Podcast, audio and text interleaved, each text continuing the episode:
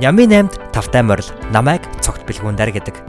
7 хоног болгоо миний бие эсвэл хүндэт зочин маань өөрийн мэдсэн, ойлгосон, ухаарсан зүйлсээ хуваалцсан тантай өчигдрийн түүхээр өнөдөр холбогдож маргаашин тань амьдралд хамт олохыг зорддог үлээ. Натаа хамт баярлаа. Ингээд эхэлцгээе.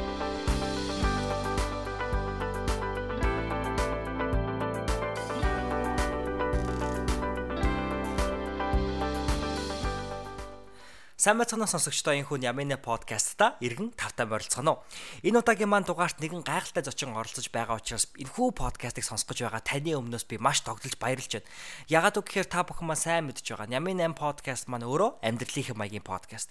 Тэгэхээр амьдралын маяг гэдэг бол өөрөө хувь хүний хөгжилтэй асар салшгүй холбоотой тийм ээ. Тэгэхээр энэхүү дугаарт оролцож байгаа зочин маань өөрөө Монголын хувь хүний хөгжлийн салбарын нэгэн том томоохон төлөөлөгч би хувьдаа бодож хүндэлж хайрлж явдаг нэгэн ах маань оролцсон байгаа. Тэрхүү ахын маань нэрийг Булганбаатарын Бацай гэдэг ба сэтгүүлч маркетер мэрэгчлээ би тэрхүү хүнийг илтгэгч мэтгэлцэгч гэдэг тодорхойлолтоор илүү тодорхойлох юм болов. Тэрээр хувь хүний хөгжлийн өрсөлдөх чадвар номын эрхлэгч эмхтгэн найруулсан нэгэн. Тэгэхээр энэхүү дугаартаа бид хоёр олон олон сэдвүүдийг ярилцаж хөөрнсөн байгаа. Тэгэхээр тэдгээрээс дуртахад бол манай Бацаяах маань өөрөө илтгэх урлаг гэдэг энэхүү урлагтай хамгийн анх 2005 он танилцсан. Тэгээ бодоод үзэх юм бол нийтдээ 13 жил яг энэ урлагаар хичээлсэн байгааз. Тэгэхээр 13 жил энэхүү урлагаар хичээлсэн хүний хувьд ямар ихтгэл хамгийн сайн болж ямар илтгэгч олныг байлдан дагуулж чаддаг тухай.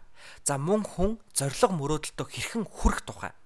Яагаад өөрөө өөрийнхөө өөрөө өөртөөгөө нүүр тулах нь зориг мөрөөдөлтөд хүрэх эхлэх цэг болох тухай мөн амьдралдаа хэрхэн зөв сонголт хийх тухай гэх мэтчлэн олон гайхалтай сэдвүүдийн талаар Бацаа яах маань та бүхэндээ хуваалцсан байгаа. Иймэн учраас би энэ хүү дугаар маань танд маш их таалагдана гэж итгэж байна. Бацаа яах маань бичсэн өрсөлдөх чадвар ном нь өөрөө илтгэх хурлаг, багаар ажиллах, цаг төлөвлөх, харилцах, мэтгэлцэх, эсэ бичих гэх мэтчлэн олон хувь хүний хөгжлийн чадваруудыг багтаасан гайхалтай бүтээл гэдэг. Тэгэхээр түүнтэй адилхан Бацаа яах маань өөрөө энэхүү олон чадваруудыг эзэмшсэн тийм гайхалтай скетэн ах маань байгаа. Ийм ч учраас энэхүү подкаст маань танд маш их таалагдана гэж итгэж байна. Ингээд хэдүүлээ подкаст руугаа хүсэцгээе.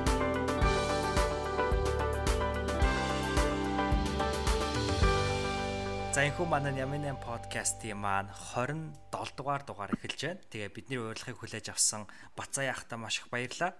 Сайн байна уу та? Оо за сайн байна уу? Өдрийн мэнд.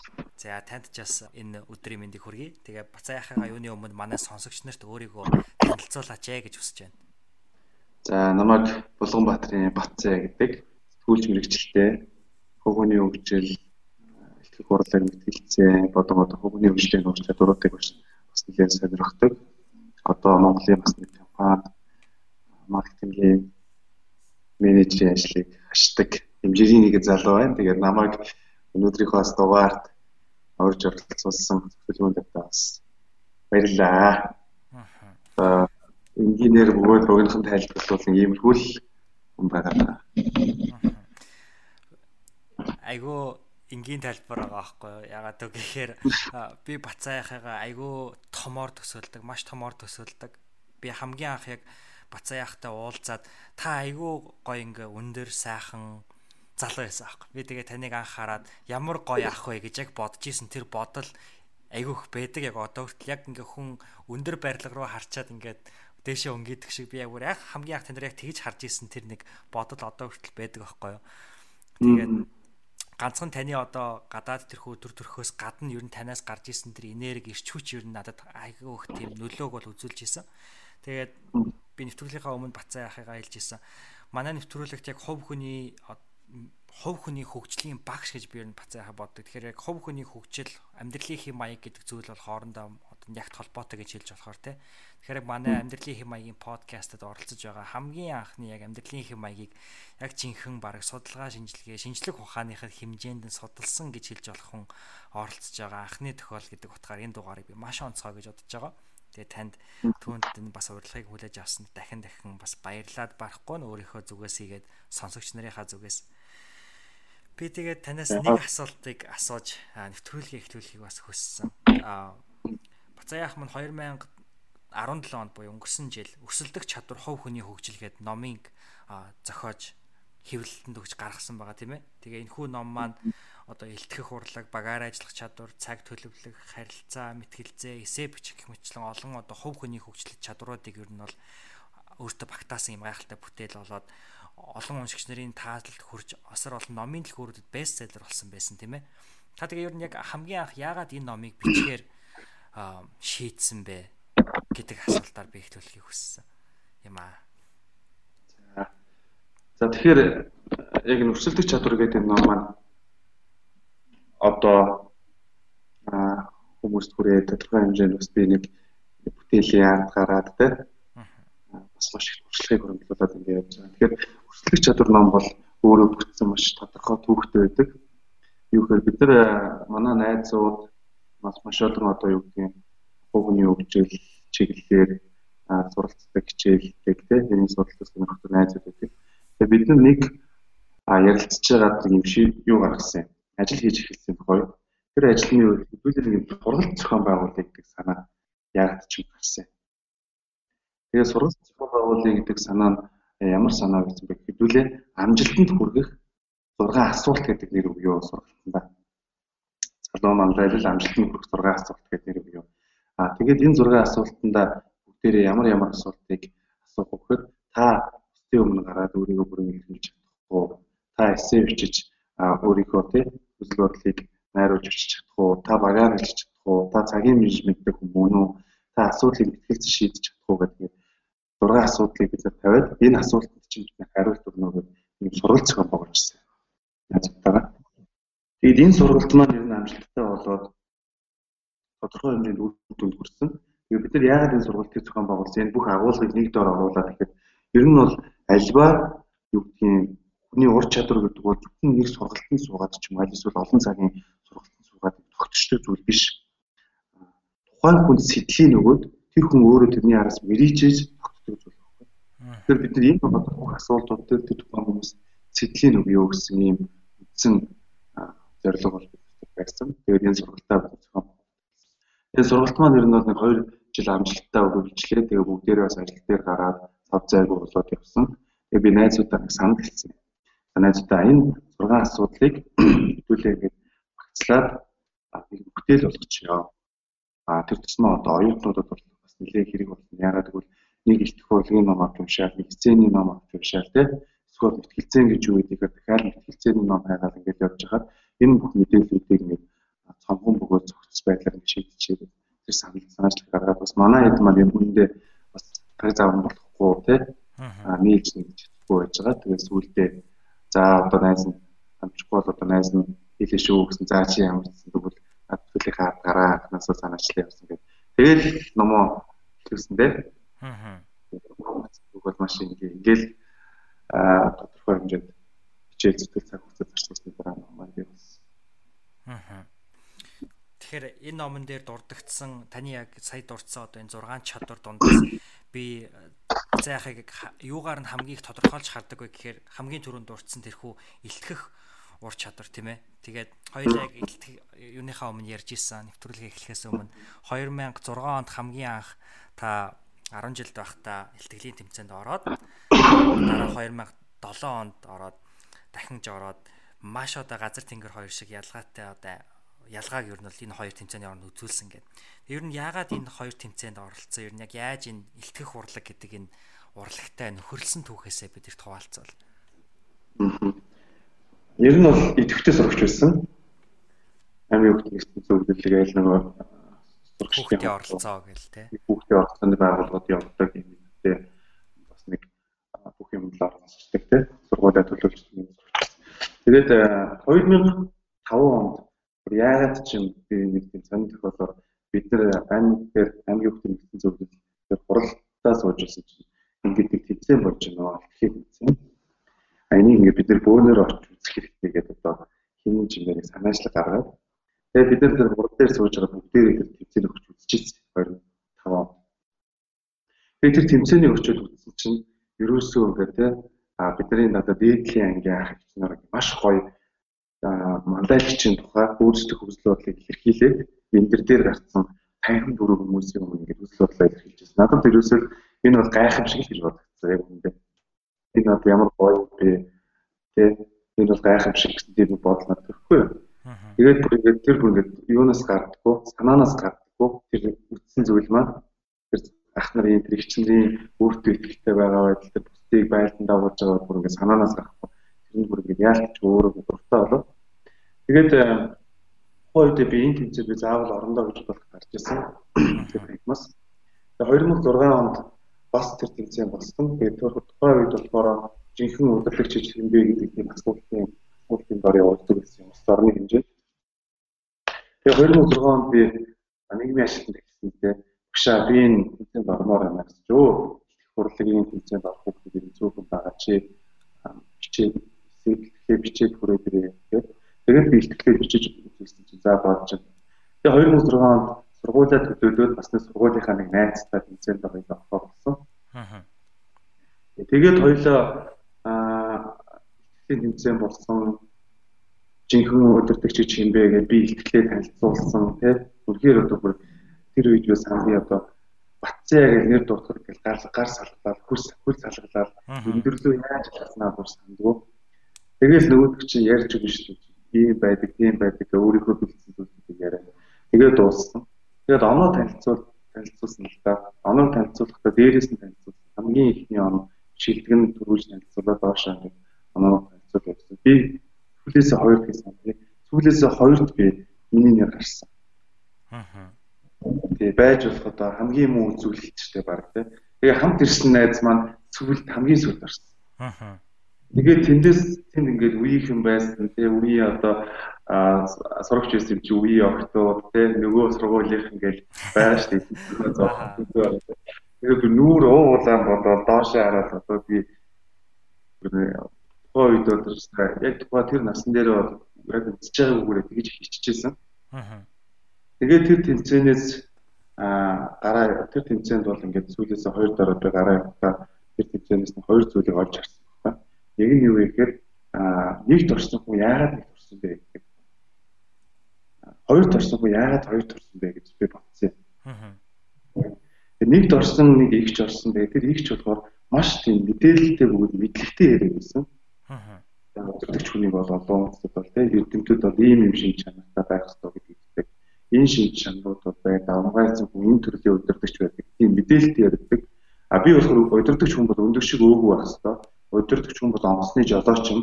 Ардан сууж байгаа хүмүүс бол тэр хамт олон юм те. Тэрээс нэг ийм л юм яриад. Тэр хүн шинжлэх ухаан юм уу гэсэн. Хоёрт орсон хүн яасан бэ гэхээр одоо нэг улаан зангид үсэг ийд заах байсан бохгүй юу? Би одоо тод сам бэ. Тэр ах ерөөс өөртөө ихтэй яриад. Ийм байдаг үстэй, тийм байдаг үстэй те Бидний дунд ийм манлайлагчд байгаа үстэй гэж орилж өрөөл чангаж чангаар. Тэгээ би тэндээс нэгдүгээр би бол ухаалаг явах хэрэгтэй маань хоёрдугаар би бол чанга өөртөө ихтэй байх хэрэгтэй гэсэн ийм нэг хоёр бүтэц яваад гарч ирсэн. Гоё. Тэгээ 2007 онд тухайн ихтгэлийн тэмцээн дахиад болсон. Тэгээ би тэр тэмцээнийг бүр ингээд бэлдэж бүлээгээд ихтгэх хурлын тухай одоо DVD айл болгонд байдаг шүү дээ. Танк тоглолдог нэг караоке нэг тийм DVD байдаг байсан шүү дээ айл бол. Канадаас байсан. Тэгээд Тэр манад бас байдаг ус. Тэгээ би ээжтэй хот руу явахаар нь CD захиад ингээд ихтгэлтэй CD та олоод ирээ. Ааха. Тэгээд ээж маань надад ямар тач а хоёр CD авчиж надад өгчээсэн. Тэр нь болохоор нэг нь Амбатрийн ихтгэл байсан надад санагдаж байна. Амбатрийн ихтгэл байсан. Тэгээд би тухайн CD-гээр нөгөө ихтгэлээ үзээд гэртээ ганцаараа хичээлээ тарж ирчээд CD-гээ үзээд тэгээд бас нэг гадны ихтгэгчийн нэг юм юу аваад ирсэн. CD-ийн туулаад аваад. Тэр хоёрыг үзээд тэгээд ихтгэл тэмцээн дараагийн тэмцээн зарлагдсан гут би яг нэг сарын хугацаа дөнгөж зарлал нь хатагдсан гут л ерөөсөө ихтгэлээ бэлдэж эхэлсэн. Аа. Сайн байцгаана маяг тэмцээнээр энэ өдрийн мэндийг хүргэе. Угаалгын хооронд хаалгаад хөгжиж байгаа толин тарж байгаа гэсэн тийм нөгөөдгөө ярьж өгсөн. Тэгэл ээж аваа хаалгац хөлөө миний хүүжи зүгээр үг. Би зүгээрээ зүгээр гэж үлдгэлээ бэлдээд байгаа шүү дээ. Тэгээд 10 минутын ихтгэлийг яг нэг амьсгаагаар нэг удаар ингээд 7-оос 8 удаа ингээд бид амнаас бүр цагаан хурц захарч байгаа байхгүй. Аа. Тэнгүүд нөгөө карантин усыг ингэж гоожуулт балхачаад ихтгэлээ бэлдээл толироо харж байгаа л. Яг ч толинд харуулаас илүү сайн байдаг гэдээ бас гоё авс мэдээлэлтэй. Тэгээ бэлдээд байсан. Тэгээ тэмцээн эхлэх нь яг нэг бараг 7 хоногийн өмнө би ихтгэлээ бэлдэжсэн нэг мэдсэн чинь ерөөсөө толь нөгөө цаасаа харахгүй шүлэг шиг чийжсэн байсан. миний энэ зураг магнаа алзан зурагчдаа мянган хоньны дундаас би хар бус таньдаг гэдэг шиг 10 минутын ихтгэл яг цэг таслалгүй бүгд нэг мэдсэн цээж нь орсон. Аа. Өөрөө цээжлэх гэж бодоогүй. Зүгээр л бэлдээлсэн гэсэн чинь цээж нь орсон. Тэгээд э, тэмцээн маань 2007 онд Улсын аврагчдын уралдаан тэмцээний орон нутагт болоод би тэнд бүр өмнөх жилээс ч олон хүүхд оролцсон. Өмнөх жилээс ч илүү том тайзан дээр болсон. Тэр тэмцээнд өөрийнхөө ихтгэлийг хилцүүлээд орон нутгтаа хотдоо нэгт орсон гэж жил. Тэгээд тэр ирчээрээ Улаанбаатар хотод ирсэн. Улаанбаатар хотод ирээд 9421 аймгийн шилдэг сурагчдтай өрсөлдөд аа яг тухайн тэр тэмцээндээ ихтлээ харьцуулаад би бусад хоёрт орчихсон. 2000 2006 он сүүлээсээ орон нутгтаа хоёрт ороод 2007 онд эхнээсээ хоёрт орсон. Нэг тийм түүх байдیں۔ Тэгэхээр яг энэ дээр би бол юу гэж боддог гэхээр ерөөсөө юу гэдэг ярих ур чадвар ч гэдэг. Тухайн үед нэг л зүйл надад илүү байсан. Ерөөсөө бусдаас илүү хичээл зүтгэл гаргасан. Бусдаас илүү бэлдсэн болов гэж. Аа.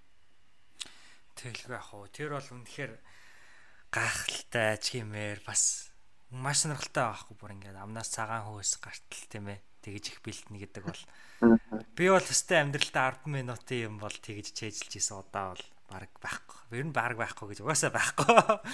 Тэгэхээр ямар хичээд хичээсэн нэг харагдаж байна. Тэгээд би энэ дэр нэг зүйлийг аягүй сонирхож асууж байна. Та ингээ асуумаа санагдлаа. Та 2006 онд орчоод 2000 яг ингээ сүүлээс 2 дугаар байранд орчоод дараагийн жил дахиад орондоо гэдэг тэр нь тэрхүү сэтлэн тийм ээ илүү хор шарн дээр байсан уу? Аль эсвэл яг юу яг таны одоо ихтгэл урлаг та ямар гоё юм бэ гэж хамгийн анх 5 онд үзээд бодож исэн гэсэн тийм мэдрэмж байсан ш. Тэрэн дээр байсан уу? Ер нь яг энэ мэдрэмж нь яг юун дээр толгуурлж исэн юм бэ? Надад болохоор яг нэг айлтар тийм хор шар бол байсан гэж би бол бодохгүй байна. Тэ би одоо юм чи тийм хор шар бол байгаагүй. Надад зүгээр л санаанд багтаад байсан. Аа. Тэ. Анх 2005 онд л тэрийг харахад л би энийг чадах юм байна гэсэн тийм нөгөө санаанд багтна гэж байдаг шүү дээ тий. Би энийг хийчих байгаа гэсэн. Яг тийм ихтгэл өнөмжлөг байсан. Тэр утгаараа л би энийг хийчнэ. Нэг одоо би өөрөө сүүлээсээ хоёр тараад миний өмнө маш олон сурагчид байна шүү дээ. Гэхдээ би тэр тэмцээнээс гарахдаа би эдгээр шиг байж чаднаа. Би төгөлс хичиг байж чадна. Би энэ хоёр тарсан ах шиг байж чадна. Би өнөөдөр сүүлээсээ хоёр тарж байгаа ч гэсэн би чадах юм байна гэсэн тийм өөрөө ихтгэл өнөмжлөлтэй гарч ирж байгаа шүү дээ тэмцээнээс ичж байгаа мөртлөө тэр нь л илүү тэр нэг аливаа юм санаандаа багтаач юм бол илүү боломж нь бий болт юм. Аа. Ер нь яаж хүн санаандаа аливаа зүйлийг багтаах уу? Ер нь яг яаж тэгдэм бол яг процесс нь таны хувьд юу гэж боддог гэдэг вэ? Аа би одоо яг тухайн үед бас яаж санаандаа багтааж ирсэн гэдгийг бол сайн мэддэг. Гэхдээ магадгүй зүгээр дуртай зүйл сэтгэл үнэмшилтэй зүйл бас хүний санаанд багтдаг л та. Өнөөдөр хайрлаа тэрний төлөө их зүтгэж байгаа, илүү хөдөлмөрлөж байгаа тэрийг судалж байгаа учраас тий. Одоо юу гэдэг манай ангид волейбол тоглодог найзууд надаас намхан найзууд байдаг тий.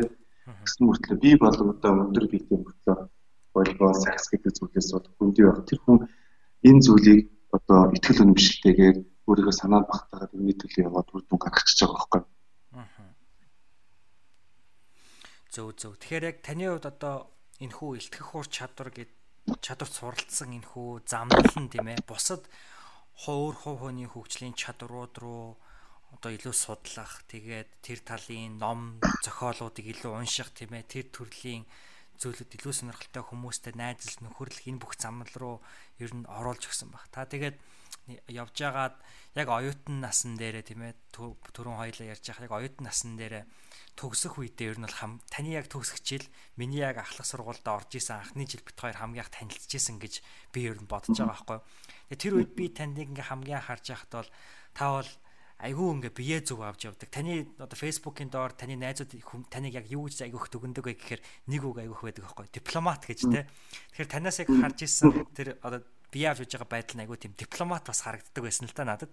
Тэгээ айгүй тийм гоё сэтэл авмаар энэ ах шиг том болоод энэ ах шиг болох юмсан гэж яг бодож исэн тохойд. Нэр яг тэгээ би тэр үед тэр үед энэ ах шиг л болно гэж бас санаанд багтжсэн юм шиг тийм мэдрэмжээс авч ийн л таныг авч байгаа. Ер нь хамгийн анх тэр хоёлаа танилцж ирсэн яг тэр тийм ээ оюутан насны үе та яг тэр оюунт Монгол гээд аянд бас хэрэгжээд дүүнраа хийгээд үеийнхаа найз нарыг ном уншия гэдэг дээр нь бол урайлж ийсэн тийм ээ.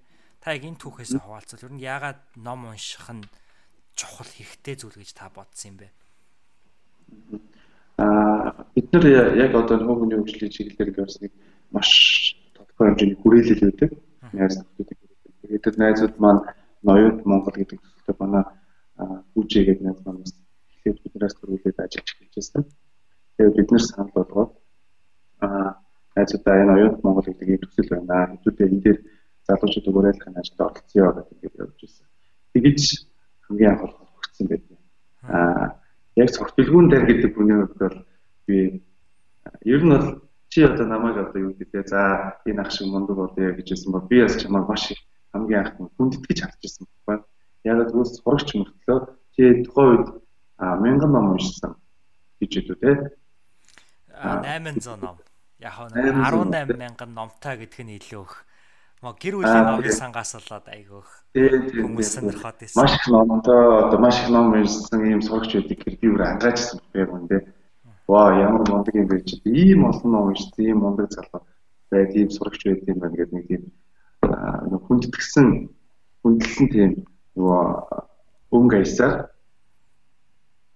тийм мэдрэмжээр анх хойд ингэж хандаад ажиллажсэн. Тэгээд тэр бол яг найз маань биднийг уриалаад бид нар аян бол нийгмийн сайн сайхны төлөө хүүхдүүдийг залуучуудыг бас ийм зөв зөв уриалах зөв юм байна. Тэр санаачлагаар бид нар нэгжсэн л тийм зүйл ажилласан. Таны хувьд яг номтой нөхөрлсөн ер нь яг хамгийн анхны түүх ер нь танд яг юу санагддаг вэ? Жишээ нь би бол хамгийн анх Alibaba ба 40 дээрэмч ингээд номыг яг нэгдүгээр ангитаа уншаад баг тэрийг баг 10 хэд удаа уншиж ирсэн ах. Тань түнтэй адилхан тийм багын хамгийн анх уншиж ирсэн ном үлгэр ч юм уу байдаг уу? Ер нь сонирхолол. Аа би хамгийн анх одоо миний зүгээр сандаг нь болохоор яг номтой нөхөрлж хамгийн анх ном уншаад ингэж би болж ирсэн зүйл бол нэг Провод эмэгний яриа гэдэг Аа тийм нэг сургууль эмэгний одоо аялгыг харуулсан тийм нэг яриа байдаг юм. Тэрийг надад нэг аав ээж хоёр уншуулаад хамгийн анх бас нэг тэр зүү тэрийг цээжлээл уншаал тий. Тэгэл хэлчихсэн. Гэтэ миний нөгөө яг номтой ойрцсон тодорхой хэмжээнд ойрцсон зүйл дандаа шүлэг яруу найдтай л холбоотой. Аа. Тэгээ нөгөө хүрэлт толгод ордог, гурван жиргээд ордог байсан. Бас тэгээд өөрөө бас шүлэг бичих сонирхолтой. Яруу найргийн номнуудыг яруу найргийн ном гэхээр ер нь бол би илүү сонирхолтой байсан даа гэсэн. Зөв зөв. Одоо ч гэсэн ер нь номын зүгээр орох юм бол яруу найргийн ном бас өөрөө нэг хайхтар яруу найрч гэсэн яруу найргийн ном уншаад тэр сэтгэлийн гой таашаад интернетээр авах хэрэгтэй. Аа. Таны Facebook дээр бичсэн эсвэл түгээсэн янз бүрийн шүлгүүд бас би хэд хэд удаа харж исэн. Тийм. Тэгэхээр ер нь бол яг илтгэх урлаг, ярих урлаг гэдэг бол яг сүүлийн үед ялангуяа Америкт ер нь барууны ертөнцид spoken art гэдэг ингээд нэг яриад байна л да одоо ингээд зүгээр өнгийн өдөр тутмын үг хэллэг ингээд яриад байгаа мөртлөө цаагаараа ингээд айгуу гоё шилэг уншаад байгаа шиг те. Бас тэр урлаг руу ер нь монголчууд арай орж амжааг болж байгаа юм шиг. Танд ер нь яг тийм яг гоё контент та нэг тийм бичлэг байдаг штэ. Таны хийсэн та ер нь тэр урлагийг ер нь юу гэж боддог вэ? Яг тийм контентууд ер нь Монголд ер нь нийгэмд нөлөө үзүүлэх нөлөө надаа их чухал юм санагддаг байхгүй юу? Би одоо яг чиний над ярьж байгааг чинь яг одоо хийх юм байна гэж бодож байгаа. Аа. Тэгээд нэг студид санал болгосон, нэг телевизэд санал болгосон, ярилцаал зүгээр ярианы төвшөнд явж байгаа. Аа яг илтгэх урлаг гэдэг зүйлийг хүмүүс янз янзаар хүлээж аваад байна. Зарим нь юу гэхээр одоо юу гэдэг илтгэх хурлаг гэдэг бол одоо аа зүгээр одоо гоё мэдлэгтэй зөв ярих илтгэх хурлаг гэж зарим ойлгоод байдаг тийм мэдлэгтэй ярих. Зарим нь бол юу гэдэг илтгэх хурлаг ярих ур чадвар гэдэг бол гоё чанга ярих юм байна гэдэг одоо микрофон луга чанга чанга одоо үг хэлхийг ойлгоод байдаг тийм. Зарим нь бол одоо юу гэдэг олон удаа алга ташуулах гэж ойлгоод байдаг. Гэтэл яг үнэндээ илтгэх хурлаг гэж юу юм бэ гэхээр ерөөсөө л А би бас анхандаа тэгж боддог гэсэн. Би чамдсан чинь 10 жилдээ би аа тэгээд мэдлэгтэй ярих хэрэгтэй байна, чанга ярих хэрэгтэй байна гэж бодоод байсан чинь сүүл би нэг бурхан шашны сургаал бидний амьдрал гэдэг үлдээ гэдэг чинь оюутан баг та. Энд би ингээд мундаг юм ярьсан л да. Мундаг юм ярьсан те манай ихтгэгч нар за Америкт ингээд юм байна. А одоо бодгийн ламнар дээр тэдэн жил одоо шинж дахинд нь одоо юу яасан чинь судалгаа чинь ийм юм өөрчлөлтүүд гардаг юм байна. Ингээд янз янзын шинжлэх ухаан чиглэлүүд ярьсан чинь ерөөсөө тэндээ ямар хүүхдүүд төрүүлсэн бэ гэхээр мундаг ихтгэгч нар төрүүлээг байхгүй. Тэнд ямар хүүхдүүд төрүүлсэн бэ гэхээр бодгийн сургуулийн оюутнууд төрүүлсэн. Аа бид нар бие бүртэл одоо бид нар бүгд бүлээн зөвшөөрсөн. Бид нар үлээр төрүүлэхээр байлаа. Би бүр тэндээс баяр баясгалтай гарч ирсэн тэр тэмцээнд байр эзлээг өмөртлөө. Аа. Яагаад гэсэн бэ гэхээр тэр бодгийн сургуулийн оюутнууд чинь бүр хүүхэд байхасаа эхлээд энэ бодгийн амьдралыг үзсэн хүмүүс чин сэтгэлээсээ тэр бодгийн сургаалын хүмүүсийн амьдрал ямар хэрэгтэй гэдэг зүрхнээсээ яриад байна. Тийм учраас байр танхимыг байлдан дагуулаад хүмүүс хэрэгтэй юм байна. Тэгэхээр би эндээс гэдэг юм уу ингээд одоо сая чиний хэлдгээр ингээд ерөөсөө хэлэх хурлаг гэдэг бол мэдлэгтэй мэдээлэлтэй зөв ярих тийм гэхдээ хамгийн чухал амин амин зүйлс ярьдаг чинь хамгийн гол зүйл нь ерөөсөө чин ярих. Чин сэтгэлээсээ л ярих юм бол хүмүүсийн амьдрал одоо хүмүүст хүрэнтэй. Тэр одоо яг тэр бидний яриад байгаа тэр энгийн яриа хүнд хүрдэг гэдэг маань ерөөсөө хүн чин сэтгэлээсээ энгийн бодис зүйлийг ярьж байгаа чинь илүү хүрээд байна.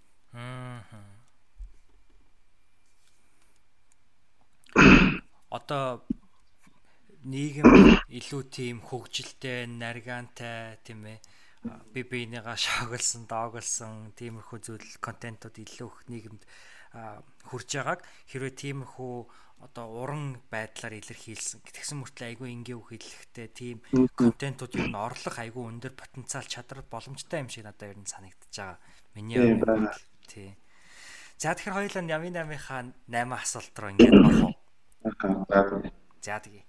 За хамгийн тэргуун асуулт болохоор би тэгэд таны энэ 7 хоногт тохиолдсон хамгийн их таларх талархмаар үйл явдал юу байсан бэ гэдэг асуултаар эхлүүлдэг байгаа. За талархмаар хамгийн талархмаар үйл явдал энэ 7 хоногт дандаа тохиолсон. За тэгээд би бас бодсон энэ 7 хоногт би юу талархмаар юм бэ гэж бодсон. Талархмаар юм нэлээ их байна. Хамгийн түрүүнд талархаж байгаа зүйл нь бол элэг бүтэн гэр бүлтэй байгаад маш их талархаж талархаж байна. Амьдралын хувьд те. За дээрэс нь өөрийн гэсэн эх оронтой байгаад талархаж байна. Өглөө болгон зорилгынхоо төлөө ажиллаж байгаадаа талархаж байна. Маш олон талархах зүйлсүүд байна л да бидний амьдралд. А гэхдээ яг энэ 7 хоногийн онцлж талархах зүйлийг би найзуудтай талархмаар санагдсан. Найзуудтай Яг тэгэхээр би өнөөдөр яг ингээд тодорхой төвшөнд дунд чатны менежмент төвшөнд ажиллаж байна те байгууллагад ажиллаж байна. Байгууллагаас соёлыг суралцж байна. Байгууллагаас маш олон зүйлийг өөрөө тодорхой хэмжээний бүтээмжийг бий болгож байгаа мөртлөө эргээд эндээс маш олон одоо хөгжих боломжийг олгож байна л доо. Аа тэгээд энэ 7 хоногт надад талархмаар хоёр нэг зүйл юу яагаад талархмаар зүйл юу байсан бэ гэхээр надад хоёр ажлын санал ирсэн. За. Тэгээд тэр хоёр ажлын санал маань хоёулаа дандаа найзуудаас мэнжсэн. Аа нэг найз маань надад яг өнөөдрийн байгаа төвчнөөс маань илүү одоо боломжтой тий. Ал албан тушаал дээр илүү өнөөдрийн магадгүй авч байгаа цалингаас маань одоо дахиад нэлээдгүй өндөр ингээд цалин авах боломжийг санал болгож байгаа юм л та. Тэгээд гол нь зүгээр найз маань юу гэж хэлжсэн юу гэж хэлсэн гэхээр заяа ийм ийм одоо тий хүмүүсийг удирддаг, за зохион байгуулдаг, өөртөө ихтэй ярианы чадвартай бас ингээд бичиг найруулга ур чадвартай ингээд баг ахлаад явдаг ийм хүн манай компани хэрэгтэй байна. А тэгтээ найз нь бол одоо зэрэг нь миний зэрэг бол хоёрдугаар зэрэгт байт юм а. Энэ хүн бол дөрөвдүгээр зэрэгт ингээд ажиллах хүн юм а. А тэгээд манай одоо захирлын удирдлагууд иргэн тойрондоо яг энэ нийцэх хүн байвал олоод ирсэн. Тэгээ найз нь яг чамаа гэж бодож иргээ залахгүй юу? За. Тэгээд найз маань хэлсэн чинь надад үнэхээр гоё санагдсан. Аа. Тэгээд дахиад бас нэг яг нэг бас нэг найз маань за за яа бас нэг ийм ийм юм ажил байна. Ингээ явбал ийм боломж байна. Чамааг яг энэ дээр ингэмээр байна. Ийм боломж байна гэдэг яг хоёр хүн надад энэ долоо хэлсэн. Аа. Энэ нь яг надад үнэхээр найз нөхдөдөө талархах гэсэн хөдлөл энэ долоо маш их байсан. Яагаад тэгэхээр ямар нэгэн байдлаар тэр найз нөхдөдөө зөв нөхөрлөлийг бий болгож өөрийгөө зөвөөр ойлгуулж зөвөөр үнэлэгдээд тэгээд тэрийг найзууд маань намайг эргээд үнэлж байгаа нь эргээр найзуудаа талархаж баярлалаа. Тийм мэдрэмжийг надад өгсөн энэ 7 хоногт. Ямар гоё юм бэ? Баяр үргээс танд. Тэгээ баярлалаа. Тэгээд Тийм бай. Тэгээд энэ болохоор бас надад яг яг ихний асуултанд бол яг энэ 7 хоногт байсан надад баярламаар, талархмаар, найзуудаараа бас найзуудаа талархмаар тийм гоё үйл явдал болсон. Аа. Найзууд би биенийгаа ер нь үнэлэх тийм ээ. Тэгээд би би би биендээ үнэлэхээс гадна яг таны одоо таны өөрийн тань авиас чадварыг яг онцгойлж харж ийн гэдэг бол айгүй гоё зүйл байгаа байхгүй тийм ээ. Та ер нь найз нөхдөйг ингээд хоорондоо ер нь яг нөхөрлөлөөс тийм ээ би биенийгаа таньж мэдхтэр би биенийгаа ялангуяа тэр чадрууд дээр нь илүү одоо илүү одоо онцолж гаргаж ирэх дээр тийм ээ. Ер нь таны яг өөрийнх нь бодол юу вэ? Ер нь хүмүүсийг илүү дэмжихийн тулд ер нь ингээ шүүмжлээд авах хэрэгтэй юм уу? Аль эсвэл илүү тэр чаддаг зүйл дээр нь урамшуулж авах хэрэгтэй юм уу? Найз нөхдийн хувьд. Ер нь бол миний харж байгаагаар шүүмжлэлж байх хэрэгтэй, урамшуулж байх хэрэгтэй. Аа. Зарим тохиолдолд одоо бид нар юу гэдгийг үнэхээр хичээ магадгүй найз нөхөд гэдэг бол маш янз бүр янз бүрийн найз байдаг шүү дээ. Одоо би яг найзыг ийм тийм гэж ангилахад ангилж явж хэлж мэдэхгүй байна. Гэхдээ би биэндээ ямар ч хэрэггүй те. Одоо би тэр хүнд ямар ч амьдралд нь хэрэггүй. Тэр ч миний амьдралд хэрэггүй. А тэр хэрэггүй гэдэг нь одоо нэг материаллык байдлаараа те хэрэггүй мөртлөө би бинтгээ байн уулздаг. Зүгээр юу ч удаагүй байх залгадаг. Тийм найз байдаг. Аа. Зүгээр зүгээр ямар нэгэн байдлаар амьдралын хэрэгцээнд дээр магадгүй хамтарч ажиллах шалтгаан ч юм ямар хэрэгцээн дээр ингэж юм бий болсон ийм бас найзууд байдаг. Тэгэхээр би зүгээр аль альнийх нь хувьд зүгээр аа найзуудтай бол аль болох жоохон зөвлөгч маяг байр суурин дээр би бас байх гэдэг юм болов өөрийгөө боддээ. Аа. Э чи одоо чи одоо ингэ чи одоо чи одоо ийм байгаад ах шиг байна. Чи одоо ингэвэл яасан, тэгвэл яасан чи юу гэж бодож зөвлөгч байр суурь дээр бас байх гэдэг юм болоо гэж хэмжээнд. Аа. Тэгэхээр найзуудтай бол тодорхой хэмжээнд урамшуулж явах хэрэгтэй.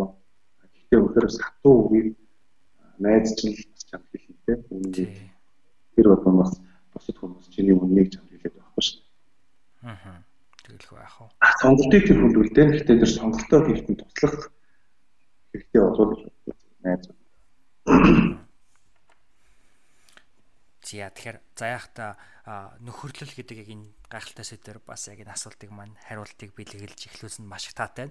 Ягаад үг гэхээр хоёрдугаар асуулт буюу энэ 7 хоногт тийм ээ таны хувьд нөхөрлсөн ном аль эсвэл контент ер нь юу байсан бэ гэдэг асуулт байгаа. Тэгэхээр хоёр хоёрдугаар асуулт руу орох бай тэр асуултанд хариулж. За а ямар нөхөрлсөн ном аль эсвэл контент гэж байгаа шүү дээ. Ямар нэг агуулга энэ 7 хоногт яг үнэндээ би ном уншиж үзээгүй. Аа. Гарч ирж гэсэн одоо мэрэгжлийн сэтгүүлүүд гарчсан. А гэхдээ яг энэ 7 хоногт миний бүр ингээд ач холбогдол өгж судалсан нэг контент байна. За. Тэр нь юу вэ гэхээр би яагаад ч юм ажлынхаа цайны цагаар ажиллаад гарсны дараа ажилдаа ирт ирээд 1990 оны арчилсан хувьсгал нийгмийн өөрчлөлтийн өөрчлөлтийн процесс явагдсан тийм ээ. Тэр яг өөрчлөлтийн үеийн бичлэгүүдийг үзсэн. За. Гарч ирсэн. Яа. Тэгээд зориг агсны ярилцлагуудыг бүх ярилцлага хилцүүлэгт орсон. Тэ бусад одоо улс төрийн 90 он болж ирсэн тэр процесс дээр 90 оны одоо үйл ажиллагаанд тэ болж байгаа тэр бүх одоо мэдээллүүдийг утсан би нэг 10-аас дээш видео утсан шүү. Видео зүйлийг ярилцлага. Аа. Тэгээд хэмжээний мэдээллүүдийг бол яг яг энэ дээр би сонирхож утсан яг энэ 7 хоногт. Аа. Тэгээд яг энэ 7 хоногт энэгээр жоох амьсгалчлаа. Аа. Тэгээд яг энэ контентууд гэх юм уу бичлэгүүдийг үзээд надад нэг юм бодол төрсөн. Тийм. Одоо нийгмийн идэвхтэй учраас нийгмийн оролцоотой хүмүүсийн нэгний талаар л та тий ямар нэгэн байдлаар одоо талбай дээр утааны эсрэг жигсаал боллоо гэдэг хүмүүс зөвхөн ингээд фэйсбүүкээр авч идэг бол би заавал орол магадгүй энэ идэвхтэй хүмүүс ч очиж нэг энд нь ядаж нэг хүн болоод зөксөх юмсан те гэж боддог юм байна. Тэгээд тухайд надад зөвхөн энэ контентыг үзээд би өөртөө ч юм уу нийгэмд байгаа залуучуудад өгүүлэх маягийн юм зүгээр өөрөө өөртөө бодож байгаа юм л ба. Өнөө хүмүүсийг би одоо дүгнээд хүн тавих юм байна шээ. Тэгээд 1990 онд тэнд ярьж байсан залуучууд бүгд ямар мундаг байсан бэ гэж би. Үнэхээр зөв ярьж байж, зөв сэтгэж байж, маш ухаалаг залуучууд байж, маш бодлоо залуучууд байж. Тэгээд маш итгэхээр хүмүүс байж. А тэгээд өнөөдөр ингээд харсан чинь нөгөө нэг 20 яг 90 оны үед ярьж ирсэн зарим хүмүүс маань танихын арга хүмүүс болсон байгаа даа байхгүй. Аа. Тэгэхээр би эндээс зүгээр хөвгөө ямар дүгнэлт гаргасан бэ гэхээр өнөөдөр ч гэсэн энэ улс орныг хөгжүүлэх, нийгмийг сайхан болгох гэж маш олон залуучууд өөртөө ярьж байна л да. Аа. Нийгмийн оролцооны хувьд, улс төрийн хувьд ингэ ярьж байна. Гэхдээ хэрэн онд тэгж их нэмэртэй байсан хүмүүс өнөөдөр танихын арга болсон байхад өнөөдөр ярьж байгаа залуучууд магадгүй маргааш ямар болсон байх вэ гэсэн би надад айц төрсөн. Аа. Тэгэхээр яг тэр контентээс энэ 7 хоногт миний авсан мэдрэмж одоо мэдээлэл өөрөөсөө өнөөдөр байгаа энэ залуучууд өнөөдөр байгаа энэ хүмүүс магадгүй ирээдүйд байгаа хүмүүсийг бид нэр өөрчилж хүмүүжүүлэх гэх юм уу те бид байдлаар хүлгэр дуурайж болохгүй бол яг өнөөдөр харж байгаа зүйлд итгэхэд бас бэрх юм байна гэсэн тийм бодол төрсөн шүү. Аа. Маш сонирхолтой дүгнэлттэй байна. Ялангуяа бүр 90 он гэдэг чи одоо 28 жилийн өмнөх тийм ээ. Энэ цаг хугацаанд бидний яг залуучуудын авж байгаа мэдээлэл янз бүрийн зүйл бол маш хөөшлөгдсөн баг тий. Гэхдээ тэр нь одоо ер нь яг яаж нөлөөлд юм бол одоо илүү одоо миний бодлоор 90 одоо 20 хэдэн жилийн хугацаанд бол хүний бодол газар тэнгэр баяр бондоо холдож байхад өнөөдөр магадгүй залуучуудын үзэл бодол хит хитгэн өнгийн байдлаар бас өөрчлөгдөж байгаа юм шиг надад хаяа бодогддог байхгүй юу? Айгүйх мэдээлэл байгаа учраас төлөвөн дээр айгүй гаш хамгийн сонирхолтой зүйл нь зүгээр айц төрүүлсэн зүйл нь юу гэж 90 онд байсан тэр залуучуудын ингэж яриаг чи одоо ингээд магадгүй манай үзэж байгаа залуучууд маань буцаагаад үзэх юм бол бид нар хэрвээ би тухайн үед хажууд нь сууж ирсэн бол итгэхээс өөр харахгүй байдал багт тийм ярианууд байсан. Аа. Тэгээд одоо ч гэсэн магадгүй тийм нэг надад яг тийм ихтгэл өнөмжлөл төрүүлээд аа би одоо магадгүй дараа нь хэн болох юм битгэхгүй хажууд нь байж ах үгтэй айц төрсөн.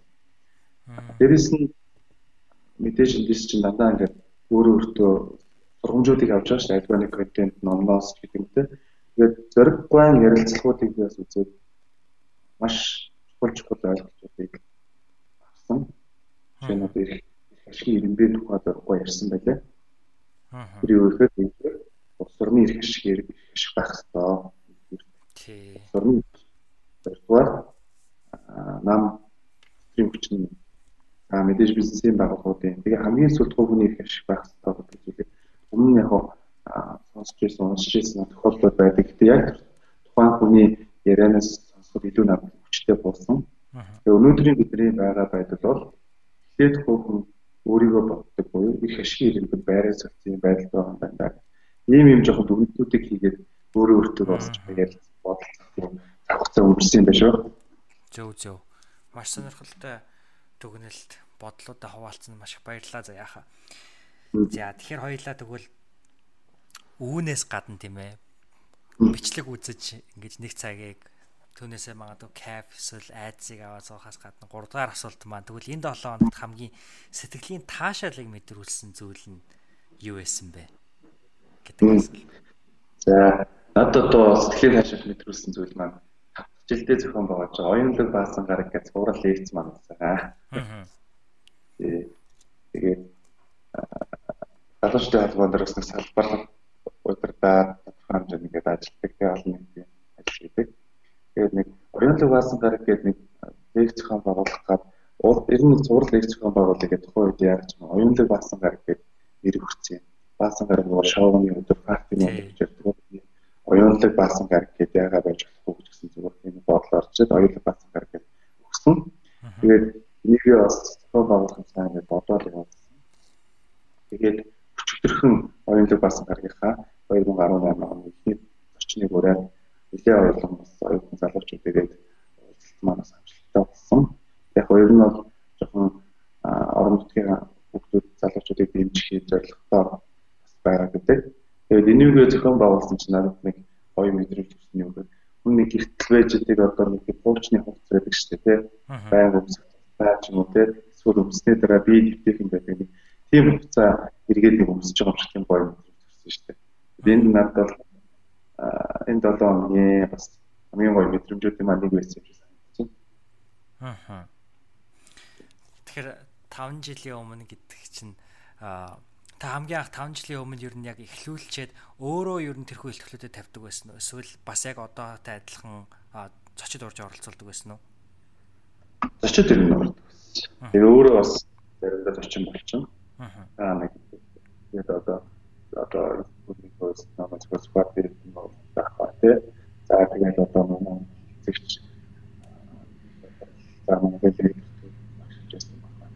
Баавал багш маш олон тэгээд одоо түрүүсээ инженер нацгийн инженер. Маш олон учраас байдаг гэдэг Аа. Таныг яг ингээд 5 жилийн хугацаанд яг энэ хүү оюунлаг баасан гараг гэдэг энэ хүү аяныг зохион байгуулах явахаас гадна ер нь янз бүрийн ихтгэл тэр тийм ээ янз бүрийн хилэлцүүлэг мэтгэлцээнд оролцоод явж байгаа залуучуудын дундаас хамгийн түгээмэл одоо асуудаг асуулт ер нь яг юу байсан бэ? Ер нь бол хамгийн их асуудаг асуулт нь залуучуудын гэж асуудаг та. За хаа тий мөрөөдөлтөө ер нь яаж өгөх вэ? Зорилгынхоо төлөө би юу хийх вэ? Аа би бол юу гэж хариулдаг вэ гэхээр би бол мэдэхгүй гэж хэлдэг. Яг тэгэхээр хүн болгонд одоо мөрөөдөл байгаа гэдэг тийм. Нэг зорилго байгаа гэдэг. Тэр хүн болгоны зорилгодоо яаж хүрэхийг би үгээр мэдэхгүй. Юм шиг надад санагддаг. Яг яг мэдээж зарим хүмүүс бол хэлдэг шүү дээ. За чи өглөө заавал их босно шүү. Эсвэл чи заавал ийм сурна шүү. Эсвэл чи заавал тэнд очих шүү. Зорилгын хөдөлгөө гэж ярьдаг. Тэгэл магадгүй надад тийм сонирн бодол төрсөн. Яг өглөө магадгүй 6 цагт биш 10 цагт оссоор байгаа нэг хүн зорилгодоо хүрчүүл яах вэ? Магадгүй хэн нэгэн өглөө бүр эрт боссоор байгаа насан туршдаа өглөө эрт борсон чинь зорилгодоо хүрэхгүй бол яах вэ? Тэгвэл би бодлоо хэлсэн болно. Чи өглөө эрт босоод хүн зорилгодоо хүрнэ гэж чинь нөгөө чи өглөө эрт босоод байсан чинь зорилгодоо хүрэхгүй. Тэр хүн одоо юу гэдэг миний хувьд яг энэ асуултанд хүнд яг юм тулгсан ч юм уу эсвэл заавал ингэх ёстой гэдэг асуулт магадгүй нэг бодлын ийм тус юм шиг магадгүй нэг бодлын хор хөргөжж бас болсон шүү. Тэгэхээр зорилготой яаж хүрэх вэ гэдэг асуултын хариултыг чи өөрөө л мэднэ гэж би.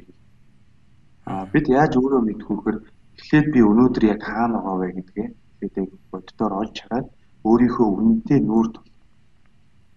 Би яг юу чаддаг. Би одоо ямар ур чадвартай. Би юу чаддаггүй.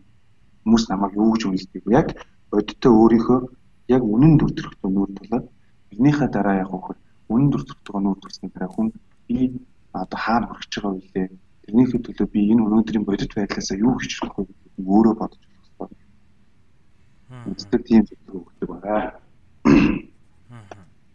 Та яг сая дурдлаа штэ ингээ өөрийнхөө юунд чаддгийг юунд чаддгүйгээ гэд тодорхойл гэд хүмүүсээс айгүй их асуудаг асуулт нь гэхээр юу вэ гэж миний хувьд ажиглагдсан бэ гэхээр хүн чаддаг зүйл дээрээ илүү төвлөрөх ёстой юу? Аль эсвэл чаддаггүй тэрхүү сул талаа засах тийм ээ. Тэрхүү процесс дээр илүү төвлөрөх ёстой юм уу? Таны хувьд ер нь юу гэж боддог вэ энэ тал дээр? Аа миний хувьд бол аа яг би скол тим скол ийм гэж хэлэхэд бас жоохон санагдаж байна. Яг одоо ангаас. А гэхдээ чаддаг юм чи өөрөө хэр сайн чаддаг юм бэ гэж маш чухал.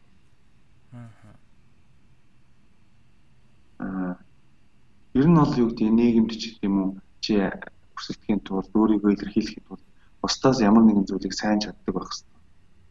Бүр маш сайн чаддаг. Тэрүүгээрээ чи бусдаас бүр илүү байх хэрэгтэй. Тэгэхээр өөрийнхөө одоо би өөрийнхөө чаддаг зүйл энэ миний чаддаг зүйлдээ гэж бодож байгаа зүйл чи өөрөө үнэхээр бусдаас илүү те байж чадчихэв. Зүгээр нэг чаддаг зүйл бол хүн болгоны л хийж болдог мэддэг мэдээд болчдөг зүйл. Мэдээд болчдөг зүйл байх юм бол чи ур чадвараа дахиад ахиулах зүйл те нэмэлт зүйлтэй болох ур чадвартай болох хэрэгтэй. А чи үнэхээр энэ нэгний хүч чадахгүй тэр зүйлийг төлөө явж байгаа бол чаддаг зүйлээс илүү сайжруулах те.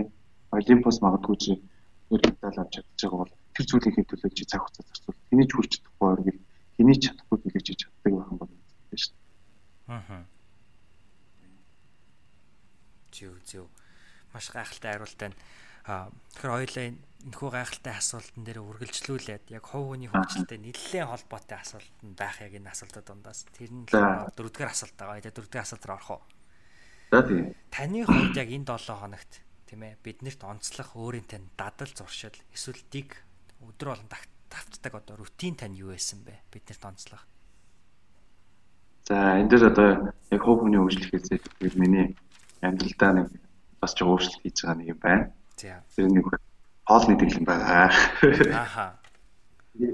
Хоолны дэглэм байгаа. Ер нь жоохон жин юм гэж байгаа юм шиг тий суудлын ажил гэдэг. Ер нь жоохон жин нэмээд байгаа гэдэг нэг хөглөхөд. Тэгээ жин байгаа. Тэгээд одоо маш их сууж ажиллаж байгаа зүйлүүд. Тэгээд энэ дээр холбоотой жин нэмээд байгаа учраас би жимд явж байна. Аа. Ee тэгээ жимд явж бас нэг хүүж хараач бие байлах. Дээрээс нь орой хоолны дэглэм бол байж хэлж байгаа. За. Одоо бид нэг оройд тоол идэдэг шүү дээ тий. Би одоо арай хоол итгэв бол тариг уудаг. Аа, obvious-та тариг уудаг тийм юу. Тэгэхээр орцсон байгаа 10 руу наваа ийж. Тэгээс арай жоо өөрчлөлтөд орно гэдэг юм. Аа. Яг ямар хоолны дэглэм барьж байгаа вэ? Ер нэг нэг өдрийн хоолыг аа би одоо бол ер нь өглөөд нөгөө хоосон гарч болохгүй гэдэг зарчмыг нэг баримтж байгаа. Аа. Саа ядаж усаа уугаад нэг үгүй мэдээд гарах А хоёрдугаард өдөрт бол хайрсан хуурсан юм бол тэгэхээр болох хэвлэн баримттай болцсон тий. Нэг бол одоо уралтай шүүл, нэг бол таван цулын шүүл, нэг бол одоо хар шүүл одоо юу ч гэдэг. Дандаа юм шүлтэй хоол өдөрт идээд аа өдөрт магадгүй нэг юм уу хоёр удаа байгаа. Тэгээд орой 6 цагаас хойш юм идэхгүй. Унтахынхаа өмнө тагтаа уяас хилээд иддэг. Иймэрхүү дэглэм рүү очиж байгаа шүү. Аа. Тэр одоо сүүлдээ тэр чинь бас жоо дарал болох шийдтэй болчтой юм байна. Аа. Та фитнес буюу одоо жим рүүгээ хизээ явах уу яг маркетингийн менежер хийж байгааг нь ажил ажлынхаа хажуугаар жим тийм ээ өөртөө зарцуулахын цаг завыг юу нэг яаж гаргадаг вэ? Жимд бол бүр асар их нэг ачаалтаа явахгүй байгаа 7 хоног нэг юм хоёр удаа л. Аа ажлын байртаа маань нэг офис дотор жим байгаа болохоор ажиллаад учраас ажилладлаа. Зүг нөгөө орлоо. За тэгээд 6 7 Тэгээс бүжгэлтэй үе таард юм аа бас тэр вэр. Аа. Тэгэхээр нэг бол машин явдаг өдөр 8 цаг хүртэл машин явахгүй шүү дээ. Тэр өдөр одоо ажиллаад хараад жимд яаж байгаа машин явах явдаг юм. Тиймэрхүү байдлаар зэгцэлж. Та яг ингээд хоолны дэглэмээ зохицуулаад ялангуяа оройны хоолны дэглэм барь гэдэг чинь та тодорхой хугацааг бол маш их хугацааг гэж хэлэхээр тийм баг үлсэж өнгөрүүлж нэг гэсэн үг шүү дээ тийм мацаг барьж өдрийн тодорхой хугацааг унтах 7 8 цаг дээр нэмээд нэлээ олон цаг үлсээд тэгэхээр яг энэ нь таны одоо би би нөлөөлөхөөс гадна таны ажлын бүтээмж тийм ээ ер нь оюун ухааны сэргэлэн байдал ч гэдэг юм уу тэдгээр зүйлсүүд ер нь хэрхэн нөлөөлж байгаа юм шиг тань санагдаж байгаа вэ ойрын хугацаанд Тэгээд яг оюун ухаанд бол яаж нөлөөлөд байгааг бол нөлөөлөд байгааг бол нэг амар одоо яг айхдаг гэж санагддаг байна. Аа. Биеийн хувьд гэх юм бол орой тоолдог гэж чинь. Аа. Одоо жоохон тодорхой хэмжээнд эцтэй болох гээд үзээд байсан бол тий. Тодорхой хэмжээнд явах гэдсэн бол шууд татраад маш өөр мэдээж мэдэрхтэй байл. Тэгээд яг нь орой бас өрсөд байсан хамаагүй болохгүй гэж бол сонсоод Тэгээ нөө тарагчин өөрөө хүний бас өсөхгүй баг. Тарагтаа obvious юм мэдсэн. Тэгсэн мөртлөө маш одоо шиг боломжтой юм. иймэрхүү л бариад байж байгаа даа. Зөө зөө. За тэгвэл хоёлаа а эндээсээ 5 дугаар асуулт руу орох уу? 5 дугаар асуулт маань таны энэ 7 хоногт хамгийн их нөлөө үзүүлсэн хүн эсвэл тань тохиолдсон үйл явдал юу байсан бэ? Мөн хэрхэн танд нөлөөлсөн бэ гэдэг асуулт байгаа. Аа. За энэ 7 хоногт над хамгийн их би бол одоо өдөр тутмын зэрэг нь бол ажиллаа хийгээд тийм ингээд явж байна. Хамгийн их одоо нөлөө үзүүлсэн хүн гэх юм бол хоёр хүн бол энэ дуудаж болж байна. Яг аль нь одоо хамгийн нөлөө үзүүлсэн бэ? А нэг нь бол яасан бэ гэхээр бас нэг суугч багш байдаг тийм. Тэгээд тэр сурагч багшийн хувьд бол яг одоо энэ сургалт гэдэг зүйл рүү гоо гэж би нэг ийм юм Facebook дээр бичсэн. Манай найз надад хэлсэн байхгүй. Заяа би энэ чиний үг надад үнэхээр таалагдлаа гэдэг. Тэгээд тэр нь юу гэж би зүгээр Facebook дээр бичсэн бэ гэсэн чинь би өглөө бүр зоригтой өртүүлж ирдэг боллоо. Тэгээ өглөө бүр зоригтой би өртүүлж ирдэг боллоо гэж бичсэн. Би тэгээ дараа нь тэр ярилцж байхгүй миний хамгийн сайн найз л та. Гэсэн чинь би яаж ингэж чам шиг өглөө өртүүлж ирдэг болохгүй гэж зөндөө бодсон наа. Маш гоё санагдсан ингээд. Шиг тэгээд тэр зүйл маань яаж болж ирсэн бэхээр би нэг тийм тодорхой хэдийн ажлын арга гаргах гад яг маш тодорхой зорилгыг тавиад ажиллаж ирсэн юм байна. Тэгээд ерөөсөө орой хондохтой өглөө хондог болгосоо гэж бодлоо. Тэгээд үгээд тэгээд өглөө болсон хот ажиллаа яах ийм нэг юм хэмжээр явж байна. Тэгээд өнөөдөр энэ 7 хоногт бас нэг сурагч багштайгаа тараад тэр багшаа нэлээ олон газраас ураад гэдэг зүйлс маань хүний яриа юу гэсэн тэгэхээр би одоо яг энэ сурагч чиглэлээр л маа. Тэ? Найзан сая одоо 1000 долларын үнэтэй сургалтын сургалтанд бас өөр өөрөөрөө өсөж хийж сургалтын суулаа. Энэ чиглэлээр би яг өөрөө яг одоо би нөгөө зорилгодоо өсвөл сэрж гэж байгаа шиг тэр хүний бүр ингээд ярианаас нь бүхнээс нь байгаа байдлаас нь яг тэр зорилгынхоо төлөө бүр юу ч ихэд бэлгэдэг зүйл надад харагдсан. Тэгээд тэрийг хүн чинь өөрөө бас ингээд зарим үедээ ирч хүчтэй байна, зарим үедээ бас нэг жоохон нөгөө ирч хүч сурцсан байдаг. Тэр хүн тэр хүнийг хараад би миний ирч хүч дахиад нэг сэлбэгт сэлбсэн те. Аа. Тийм үгээд болсон. Тэр хүнээс надад одоо өөрт байсан зүйлээ дахиад би ингээд илүү хүчээр хэвээр байна. Тэгэхээр би нэг одоо одоо илүү энэ хүн шиг хүчтэй байх хэрэгтэй байна гэсэн тийм сэтгэлийг авсан. Аа. Маш гоё хариулт байна. Аа би яг танаас бас яг тэр хүү мэдрэмжийг нь мэдэрч байгаа юм шиг тийм мэдрэмжээс авлаа. Тэгээд маш их баярлалаа. Төө яг энэ хүү хүмүүсийн тийм ээ таны амьдрал ер нь айгүй жижигхэн зүгээр ингээ уулзаа ярилцаад эсвэл зүгээр ингээ Facebook дээр бичсэн посттан тийм ээ танд одоо юуг санагдуулж гин юуг ямар мэдрэмжийг авчирч гин гэдэг бол жижигхэн зүйл хүний амьдралд яаж нөлөөлж байгаа нь маш гайхалтай санагдлаа. Тэг маш их баярлалаа. За тэгвэл хоёлаа 6 дугаар асуулт руу орох уу? За тэгээ. Энэ 7 хоногийн тань амжилт юу байсан бэ гэдэг асуулт байгаа. Тэгээд ер нь бол за заяа чи үнэхээр өөрөө ундаг байлаа шүү гэдэг ингээ өөрөө өөрийнхөө тийм ээ нуруунд дээр алгадах тэрхүү мэдрэмжийг танд ер нь өгсөн тийм үйл явдал 7 энэ 7 хоногт юу байсан бэ? За энэ 7 хоногт бол ажиллаа хийдгээр хийсэн. Аа. Энэ бол нөгөө хэвийн үйл явдал болж байгаа тийм ажиллаа хийдгээр хийсэн. За энэ 7 хоногт миний хувьд чи мундаг байсан юм байна шүү гэдэг үгийг лекц сонс уншсан газраасаа мэдэрсэн. Асуур дээр бас нэг юу ажиллаж байгаа. Аа дээрэс нь өөрөө бас нэг ангаах ухааны чиглэлийн оюутнуудад лекц уншсан. Аа. Мөн одоо номоо бас тодорхой хэмжээнд номыг маань хүмүүс хүүхдүүд оюутнууд маань уншаад тодорхой хэмжээний хариу үйлдэлүүд өгдөг болсон тийм. За ийм биш үү баярлалаа Тэр хүмүүсийн мэдрэмжүүд надад яг тийм мэдрэмжийг өгсөн. Аяаха би нэг лекцэн дээр ингээд очсон чинь ингээд цагандаа баригдаж жоохон богинохон ярьчихгүй юу.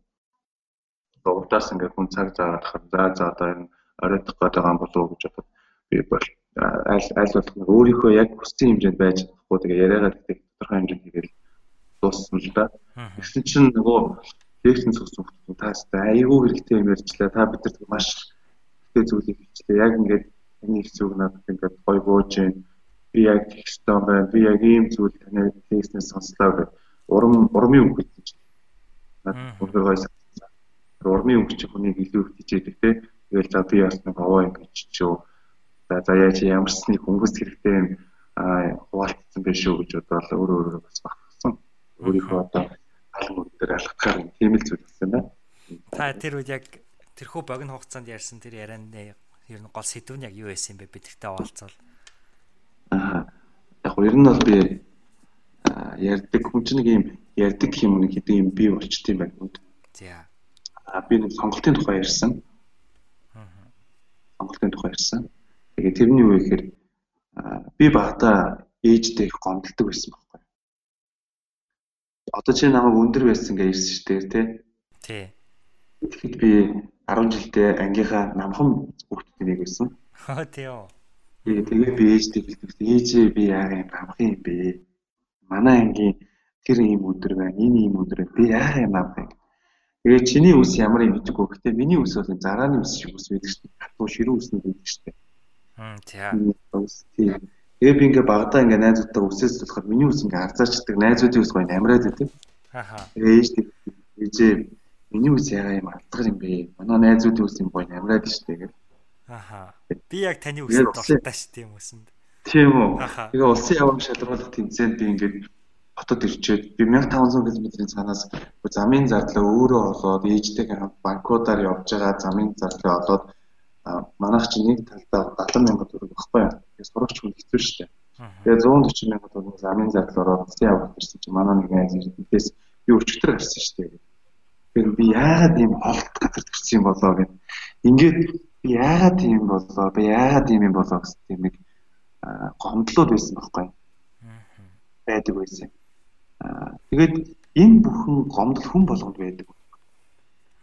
Би яагаад ийм хүмүүс алаг нүцтэй байхад би яагаад ийм тэр давхраатай байхад би яагаад давхраагүй юм бол тэр ийм гоё өндөр байхад би яагаад авах юм бол ч гэдэг ч юм уу те ингээд зүйлсүүд байгаа тийм би яагаад ийм төрчих юм бол тийм төрчих юм гэтэл энэ сонгох сонголт мөн байсан уу?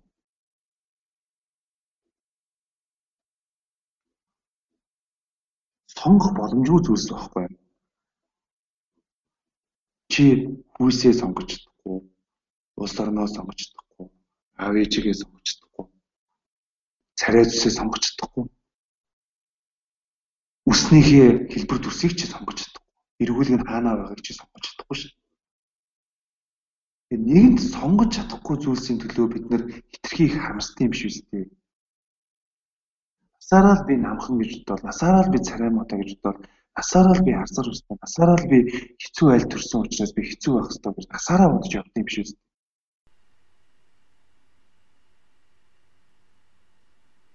За баруун гар байна уу?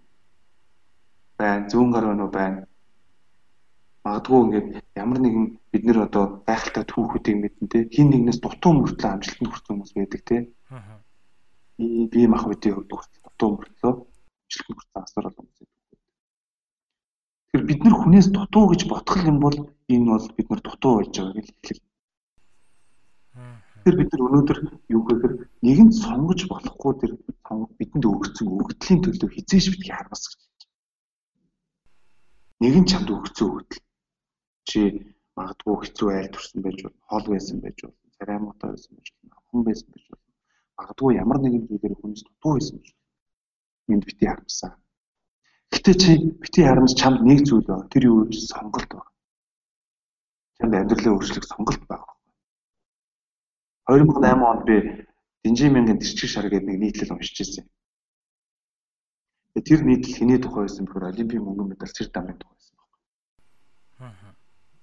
Тэгээ би тухай үед Динжи мянган тэрчиг шар гэж дуудагддаг байсан цэр дам гэдэг залуу өнөөдөр магадгүй тэр хүнд сонголтууд байсан. Гэрээсээ гараад бодом тойроод нэг нөхдөд фокусдгүй аль эсвэл фокусынхоо дивжээрээ бэлтгэлээ хийх. Өдөр болгон дээр сонголт. А боксын дивжэн дээр очиж дахиад сонголт.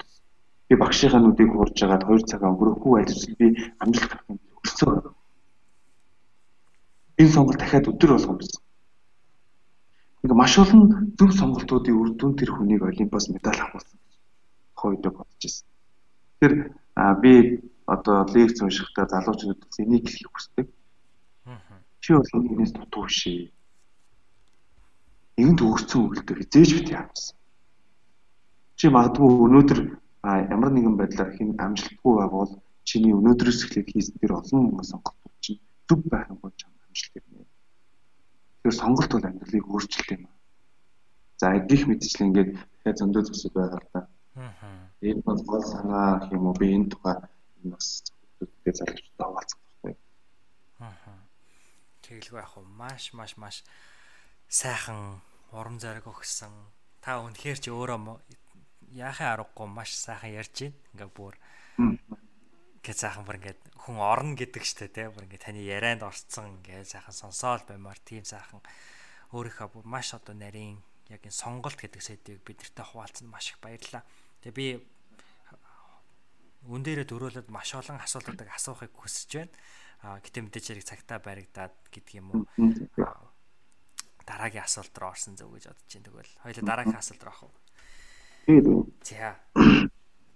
Таны та ер нь өнгөрсөн 7 хоногт өөрийнхөө хамгийн сайн хувилбар нь байж чадсан уу гэдэг асуулт аа. Тэгээ энэхүү асуултаараа би ер нь таны хувьд тийм ээ Бацаяа гэдэг энэ хүн хамгийн сайн хөлбөр нь яг одоо таны төсөөллөөр ямар хүнийг хэлэх вэ гэж л ер нь цаагаар асуухыг хүсэж байгаа.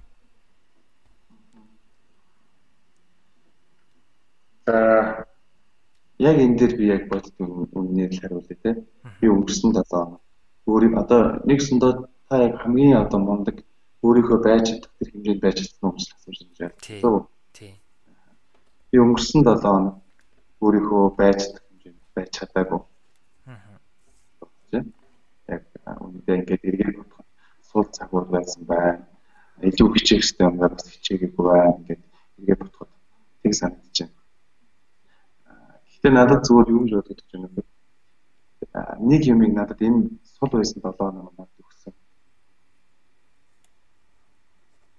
Сул байх 7 хоногт би юу гэж бодсон бэ гэхэд тэрийгээ яг өөрөө мэдэрсэн л дээ сул байснаа яг энэ асуултыг сонсоод илүү их мэдэрч чинь би илүү байх хэрэгтэй байсан чинь илүү багдгүй залхуурсан байна.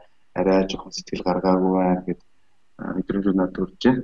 Гэхдээ надад яг энэ мэдрэмжүүд маань эх 7 хоногт зорилгодоо өсвөл ёстой шүү гэдэг тийм зүйлийг бас давхар өгч байна.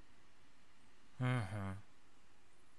Тэгэхээр би юу гэдэг 7 хоног болгон дандаа ирч хүчтэй байхгүй шүү дээ. Тэгэл байх. 7 хоног болгон ингээл пүүл ажиллаад би тултал нь байж чадахгүй. Гэхдээ магадгүй сул байгаа долоо сул байгаа жил магадгүй жил гэж ярих бол тэгээ сул байгаа цаг хугацаа магадгүй алдчихж байгаа цаг хугацаанд ч дахиад жилүү хичээх хэрэгтэй шүү гэдэг зүйлийг өгөх тийм нэг зогсолт үр зогсолт байдаг болов уу гэж бас бодлоо. Би бол энэ долоо хоногт бол байж чадаагүй. Гэхдээ би байх ёстой шүү гэдэг бүх мэдрэмжүүдээ одоо нөгөө ихтгэлийн тэмцээнд ороод сүүлээсээ хоёрт ороод амжилт гаргаж чадаагүй. Гэхдээ би дараа жил би заавал чадах юм байна гэсэн мэдрэмж авсан гэж ярьж өстэй. Тэрнтэй адилхан энэ 7 хоногт би үнэхээр байж чадаагүй. Сайн байж чадаагүй. Гэхдээ би эх 7 хоногт илүү сайн байх хэрэгтэй гэдэг мэдрэмж авлаа. Аа. Ийм 7 хоног өнгөрлөө. Зөв зөв. Маш гоё хариулт байна. Яагаад вэ гэхээр миний бодлоор хүн өөрийнхөө яг амжилт тийм ээ. Би ингэж чадсан би одоо энэ хүү зүйлд хүрч чадсан гэдэг иймэрхүү зүйлээ хүмүүстэй илүү хуваалцахаар бидний хооронд илүү тийм хан босоод идэв юмсан санагддаг байхгүй харин эсэргээрээ тийм ээ өөрийнхөө гаргасан алдаа дутагдал ч юм уу а би энэ дээр алдсан байна лээ гэдэг ингээ өөрийнхөө дутагдлыг хүн хүлээн зөвшөөрөхөөр нөх хүмүүс илүү амжилт ололтоосоо илүүтэйгээр тийм дутагдал тэдгээр зүйлүүдийг илүү их хамтдаа одоо тийм түгээмэл гэдэгтэй өөр хоорондоо тэгээ тэр нь болохоор өөрийгөө хүлээн зөвшөөрөх, бусд нэг нэгнийг ойлгох одоо инрэх тэрхүү үзлийг өгд юм болов уу гэж би бодож байна. Тэгэхээр таны яг энэ хүү хэлсэн энэ санаа бас яг адилхан энэ 7 хоног жоохон сул өнгөрүүлсэн надад хийгээд маш олон хүмүүст дараа 7 хоногоо илүү ирч хүчтэй байлгах тийм ээ илүү жоохон хичээх юм уу тэрхүү сэтлийг нь бас өгөх тийм сайхан хариулт байна. За. Бид энэ дээр танаас нэг юм асуулт асуухыг хүсэж байна. Өмнөх сонголттой ярьсан сэтэл дээр тэнд өөрөөлөд та ингээ хэллээ. А сэр дамбад тийм ээ жишээ нь боксынхаа бэлтгэл дээр очиод залхуурах уу эсвэл залхуурахгүй байх уу ч гэдэг юм уу. Тиймэрхүү сонголт байсан гэдэг. Энэхүү сонголтын дээр бид нарыг сонголт хийх үе дээр нэг тийм хүч биднээс хаяа шаарддаг юм шиг те нэг тийм сонголт хийх хүч. Одоо англи хэлээр will power гэдэг хүмүүс яриад байдаг. Тэрхүү сонголт хийх хүч гэдгийг нь та юу нэг яаж дөрөх болдог? Ийм хүч ер нь хүнд бэд юм уу? Би энийг айгүй гайхаад байдаг байхгүй юу? Ер нь хүнд бэдэг зүйл юм уу? Хөгжүүлд юм уу? Яг яадгийн? Та яг хувь хүний хөгжлийн талаар маш сайн судалдаг хүний хувьд ер нь энэ сонголт хийх хүчний талаар ер нь хуваалцвал бид нэр. За бас нөгөө юу ч тээ бүх юмыг юмыг бас мэддэг юм шиг яриад байж надад нэг юм сонирхолтой зүгээр кейсэд яг энтэй ойлдуулаад нөө би хог хайдаг гэж яарч байна. Гадар явчихад хог хайдаг гэсэн. Тэгээ нэг ихтгэлийн тэнцэнд технологийн тухай тэнцэнд ороод би за залуучуудаа энэ техникумд байгаа залуучууд өнөөдрөөс өөрсдөө хэлье. Хог хайдгуунууд нь гараа өргөө хог хайдгууд эндээс өнөөдрийн ихтгэлийн дараа бүгд хог хаяхаа болцгоё би хог айдгуугаа худлаа хэлсэн. Аа. 5 жилтэй. Аа. Тэгээ би тэр тэмцээнд дуснаар өөрөөсөө ичээд чи hodолж чи хог хайдаг байж чи хог хайдаггүй гэж хэлчихлээ. Өөрөө өөрөөсөө ичээд санаандгүй л амнаас тэгээ гарцсан байхгүй юу ярьж байгаа. Өөрөө өөрөөсөө ичээд чи хог хайдаг байж хог хайдаггүй гэлчлээ шүү дээ батцсан чиээс хөдөлж юм бэ? Өөрөө өөртөө бодож байгаа юм тухай 10 жилийн сурагч. Тэгээ би эндээс хойш нэг ч удаага гэж үзв. Яг тэр үйл явдлаас хойш. Тэгэхээр магадгүй аа яг одоо юу гэдэг те ямар одоо хүч ингэ сонголтод нөлөөлөх юм бэ гэхээр би хүртэл заримдаа одоо өөрөө те зарим сонголтуудаас зөв сонголтоо хийхгүй буруу сонголтоо хийх ч юм уу те зорилгоос хацагсан сонголтыг тохиолдол гараад идэг. А гэхдээ зүгээр надад нэг зүйл юу байсан бэ гэхээр а юу бодогддог вэ гэхээр энэ дээр би яг зөвлөгөө маягаар бас өөрөө өөртөө хэлж байгаа энэ үгийг би. Ер нь бол одоо ингээд та нартай ярилцж байна гэдэг маань би өөрөө өөртөө хэлж байна гэсэн үг. Аа. Өөрөө өөрөөхөө хэлсэн үгнээс өөрөө өөрөө өөртөө одоо илүү өөрөө өөрийнхөө үзэлтнийг баттгамж баттгаж явдаг гэсэн үг тийм. Аа. Тэгэхээр аа маш тов тодорхой зорилго хүний зөв сонголт хийхэд нөлөөлт юм байна л гэж би ойлгосон. Тодорхой зорилго. Чи нэг төсөл бичихийн тулд тодорхой зорилгоо бичих юм бол тэр зорилгынхоо төлөө чи ямар ямар арга хэмжээнүүд авах хэрэгтэй вэ гэдгийг олоод харчих шүү дээ. Тэгэхээр магадгүй нэг удаа чи тэрийг хийхгүй байсан ч гэсэн дараагийн удаа тэр зорилгынхоо төлөө юу болох маа хийх байхгүй. Аа Магадгүй өнөөдөр чи зорилгоос нэг удаа бодсон чинь чиний зорилго шин тодорхой учраас чи маргааш тэр зорилгынхаа төлөө тэр алхмаа хийхээс өөр ямар ч сонголтгүй. Тэр би тийм тов тодорхой зорилго, маш тов тодорхой тэр аа харагдчихлээ одоо тий би болсон байгаа тэр зорилго зөв сонголт хийх, сонголтынхоо сонголт нь илүү сонголтонд одоо сонголтондоо хүчтэй байх нь боломжийг олгох болов маш сайхан хариултаа за яхаа энэ хүү хариултан дээр танд өрөөлөөд манай Ямин 8 маань хамгийн сүүлийн асуулт бол дууц асуулт байдаг. Тэгээд за 7 хоногийн өмнө хэлээгүй асуулт байгаа тий. Аа за за за. Тэгэхээр энэ хүү асуултыг би танд ярианыхаа дунд бодоо сууж ирсэн л да. Та нэвтрүүлгийнхаа нилээн их нь баг нэгдүгээр асуултан дээр ингэж хариулж ирсэн хүн өөрөө өөрийнхөө үнэн төрхтэй нүүр тулах хэрэгтэй гэх тийм ээ. Би тэгээд хүн өөрөө өөрийгөө таньж мэдэх энэ хүү аялал ялангуяа одоо энэ хов хүний хөгжлийн аялал өөрийгөө таних энэ хүү аялал бол насан насан туршдаа үргэлжилдэг зүйл юм шиг санагддаг. Тэгэхээр таны хувьд энэ 7 хоногт ер нь өөрөө өөрийнхөө өөр өөртөөгөө нүүр тулж тийм ээ яг өөрөө өөрийгөө нээсэн тийм нээлт ер нь танд байсан уу? Байсан бол юу байсан бэ? Хэрвээ та яг за би энэ 7 хоногт өөрийгөө би юу ингэдэм байх гэж ухаарсан ч юм уу тийм ээ тийм жижигхэн зүйл ч юм уу байсан бол юу байсан бэ? За ер нь танаа яг нэмэн амийн асуултуудаас маш тийм одоо нөгөө нарийнчилсан. Аа. Буюу одоо ингээд хүнд яг ингээд нэг нэлээд бодож иж тэр асуулт руу орох ийм асуултууд байлаа би өмнө ийм асуулт дээр нүүр тулж байгаагүй тий. Дандаа ерөнхий асуултаа нүүр тулж ирсэн байна. Яг энэ 7 хоногт ингэсэн нөхөр хүн чинь бас боддог юм шүү дээ. энэ 7 хоног нэр яалаа хүнд би талархах хэрэгтэй байлаа гэдэг маш олон тийм бидний боддгоо олонгоор мэдрэмжүүдийг өгдөг ийм зүйл юм байлээ. За тэгээд а яасан бэ гэхээр а яг энэ 7 хоногт надад төрсэн мэдрэмжүүд маань өөр өөртөө туссан. Би бас нэг жоохон сахилга бат муутай байна уу да гэж өөрийгөө олж харсан. Аа. Э а тодорхой хэмжээнд бас нэг юм заавал хийх ёстой гэж зарим тохиолдолд бодож ирсэн зарим тохиолдолд ажлууд маань яагаад ч тийм гинтийн ажлуудад гинтийн одоо магадгүй нэг лекц уулзалт ч юм уу тийм одоо байгууллагатай холбоотой юм гинтийн яг юм үйл ажиллагаанд бас төлөвөө маань бас орох тийшээ зарим тохиолдолд хандах гад байдаг. Тийм зүйлээс ажиглагдсан.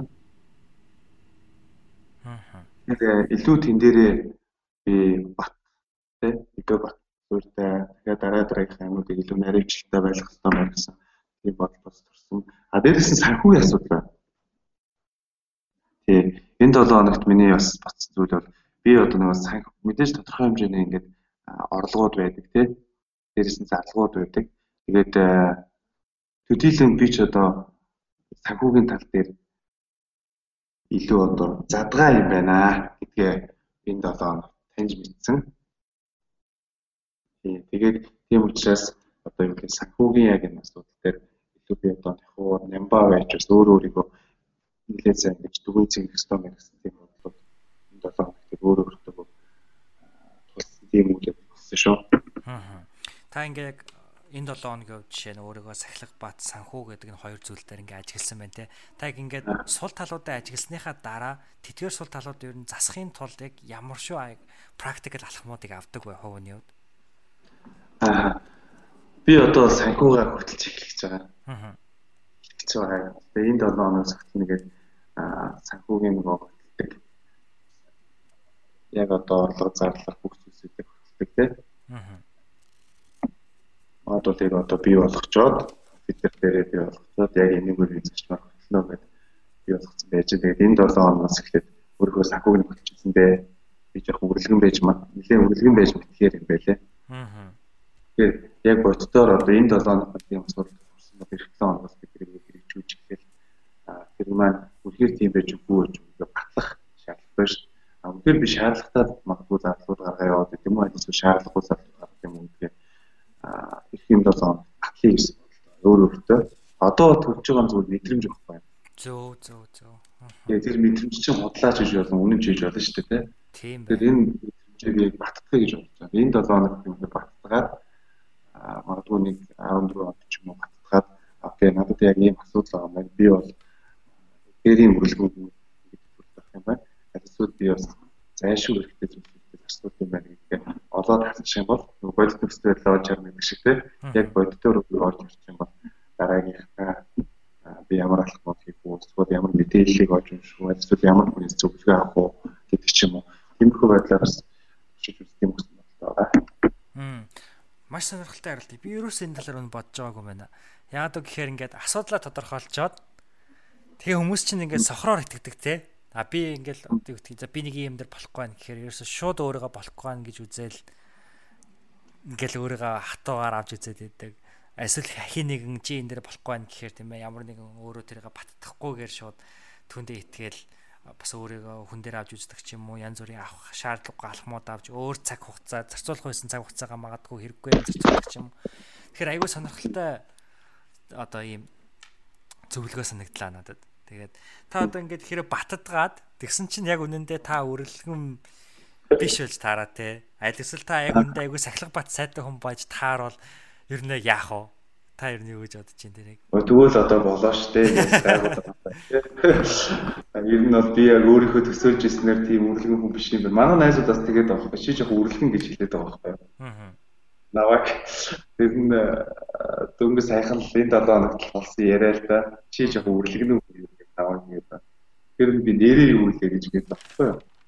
Тэгэл би бас зүйл яригдаар бодогдоод тэгвэл бас ингээд хөтлөөд үзье, орлого зарлагаа нэг хөтлөөд үзье.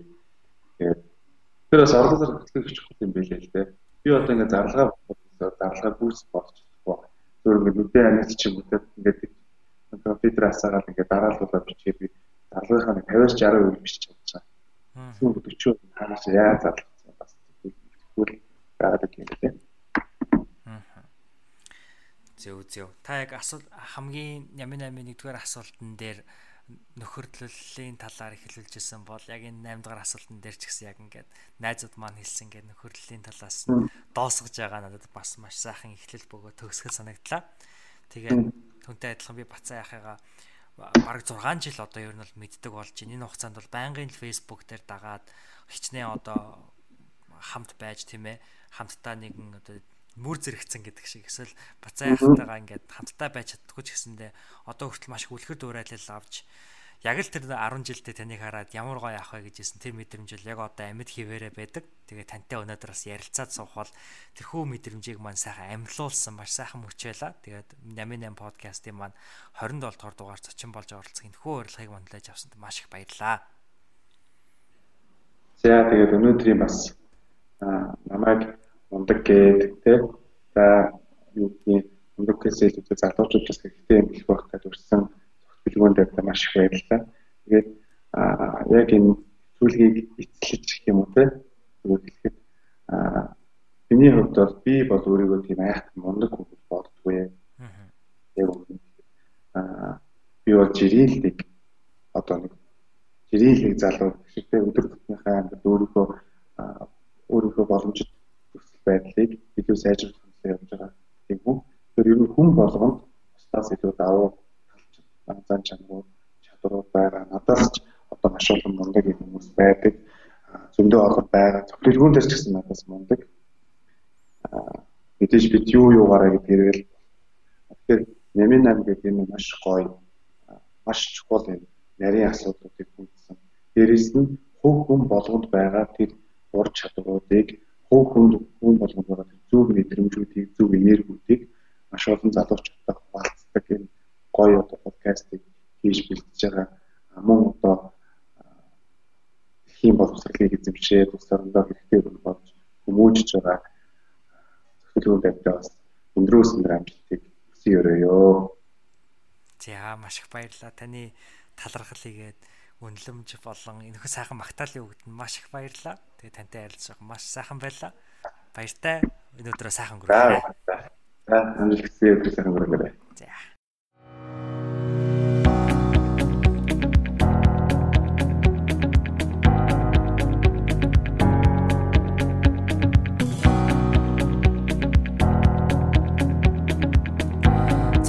Манай 88 подкастын маань 27 дугаар дугаар энэ хүрээд жаргаж байна. Та бүхэнд маань энэ дугаар маш их таалагдсан гэж би итгэлтэй байна. Бацааяхаас маань маш их их сурч ойлгож мэдэж авсан гэдэгт би бүр маш маш маш маш их итгэлтэй. Тэгэхээр Бацааяхын маань бичиж найруулсан өрсөлдөх чадвар хувь хүний хөгжлийн ном маань Интер ном аз хур гих мэдчлэн олон номын дэлгүүрээр худалдаалагдж байгаа тул та бүхэн маань тэрхүү номыг худалдан авч өөрсдийнхөө амьдралд гайхалтай өөрчлөлтийг авчраарай гэж та бүхэндээ уриалж байна. Ямын 8 подкаст маань саяхнаас нэрээ сольж Сэхэтэн Монгол подкаст нэртэй болсон байгаа. Үүний ач холбогдлоор бид та бүхэндээ бусад өөр олон контентуудыг подкаст платформоор дамжуулан хүргэх боломжтой болсон шүү дээ. Подкаст платформоор. Тэгэхээр хамгийн ихний Ямын 8 подкастаас гадна хүрж байгаа контент бол яхаа аргагүй манай Тайванд юм маань хүргэдэг. 50-тай хамт номын хилэлцүүлэг. Тэгэхээр та хэрвээ сонсож амжаагүй байгаа бол 50-тай хамт номын хилэлцүүлэхийн маань хамгийн анхны дугаар подкаст хэлбэрээр лайв бичлэгээс хувирган та бүхэндээ хүрсэн байгаа. Тийм учраас тэрхүү контентыг заавал бас сонсч үзээсэй гэж хүсэж байна. За хэрвээ та Нямын 8 подкастыг хамгийн анх удаа сонсож байгаа бол заавал энэхүү подкастыг маань subscribe хийгээрэй гэж та бүхэндээ уриалж байна. Ингэснээр цаашдаа хүрэх гайхалтай гайхалтай зочдын маань мессеж танд тэр даруй хүрэх боломж нэгдэх юм байгаа юм шүү. Мөн энэ нь надад хийгээд манай Сэхэдэн подкастын ард байгаа залуучуудад маш гайхалтай урам дэмийг өгнө гэж бүр уран дэмийг өгнө гэж эргэлзэх хэрэггүй. За тэгэхээр энэхүү манай манай подкастын маань 27 дугаар дугаар энэ хүрээд өндөрлөж байна. Бацаа яхтайгаа ярилцсан бүхий л холбогдолтой зүйлүүд маань бэлгүүн блог дээр маань тавигдах байгаа. Тэгэхээр та бүхэн маань B I L L G U U N .com зураас бацаая гэж бичээд орох юм бол манай Бацаа яах юм нь оролцсон дугаарын блогтой танилцаарай. Ингээд хэдүүлээ дараагийнхаа 28 дугаар дугаараар иргэн уулзцаая. Баяр тань.